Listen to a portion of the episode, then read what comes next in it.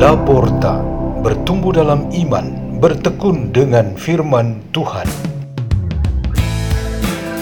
Radio Laporta, pintu terbuka bagimu untuk pertumbuhan pengetahuan dan kebijaksanaan tentang Allah.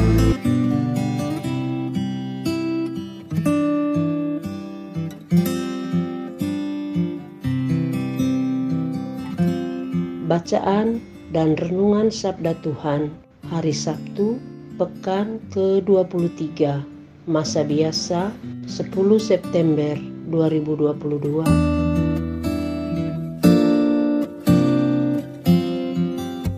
Dibawakan oleh Bonifasia Juniwati dan Laura Trifanya Ontong dari komunitas Pukat Labuan Bajo, Keuskupan Ruteng, Indonesia.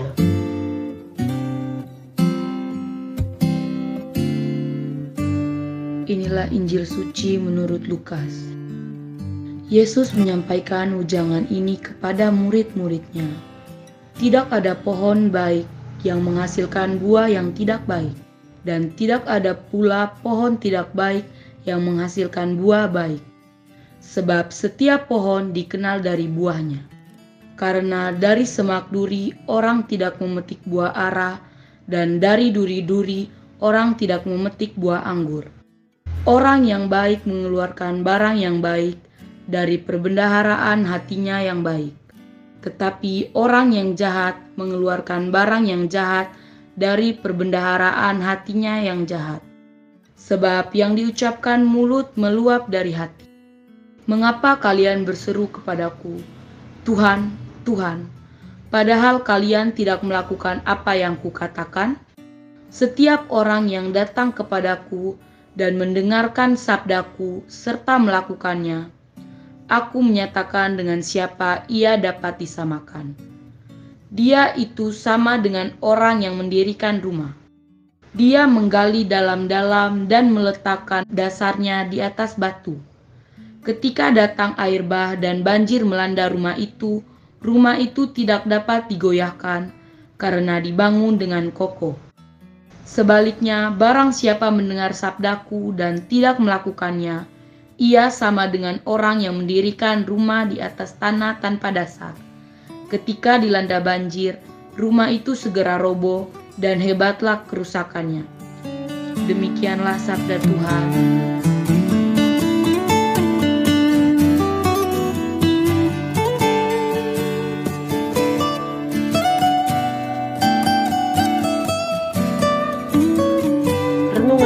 Pada hari ini bertema Kebaikan keluar dari hati yang baik.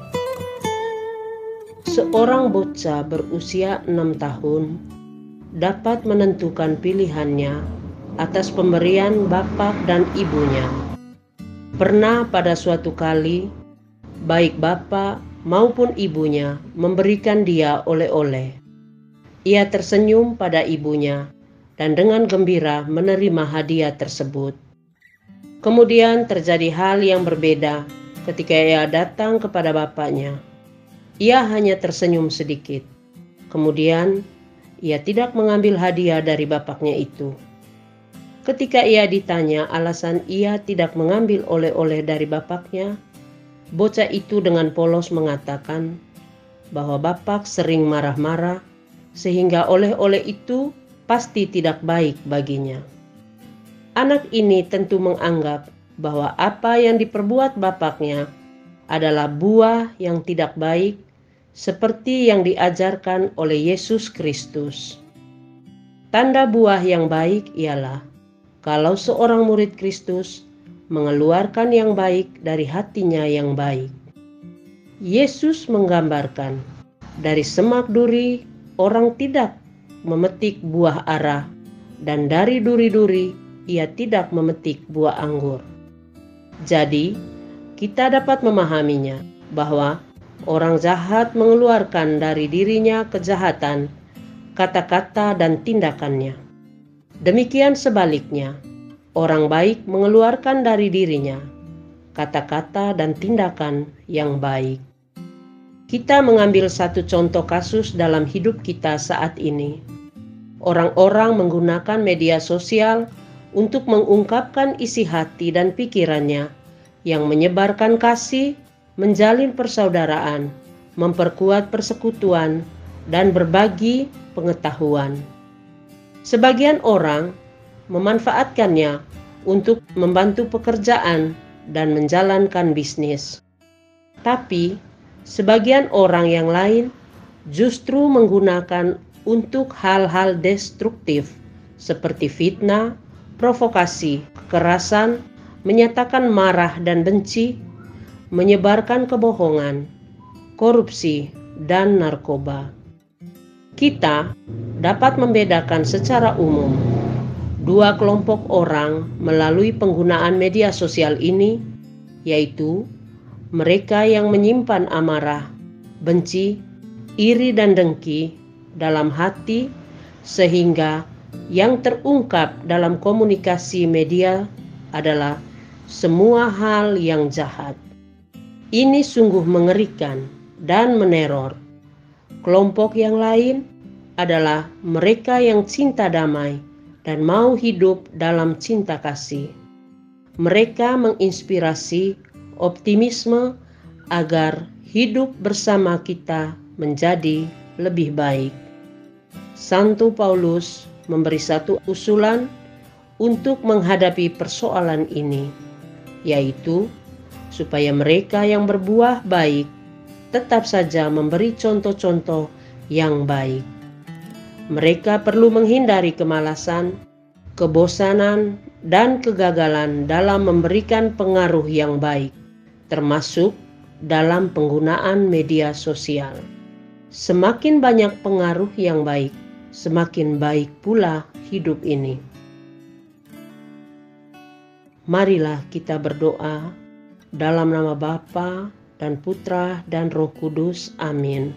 Ya Bapa Maha Baik, Penuhilah kami dengan rahmat dan karuniamu, supaya kami senantiasa menghasilkan dalam diri kami buah-buah yang baik melalui kata dan tindakan kami. Bapa kami yang ada di surga, dimuliakanlah namamu, datanglah kerajaanmu, jadilah kehendakmu di atas bumi seperti di dalam surga. Berilah kami rezeki pada hari ini dan ampunilah kesalahan kami seperti kami pun mengampuni yang bersalah kepada kami dan janganlah masukkan kami ke dalam pencobaan tetapi bebaskan kami dari yang jahat. Amin. Dalam nama Bapa dan Putra dan Roh Kudus. Amin. Radio Laporta, pintu terbuka bagimu.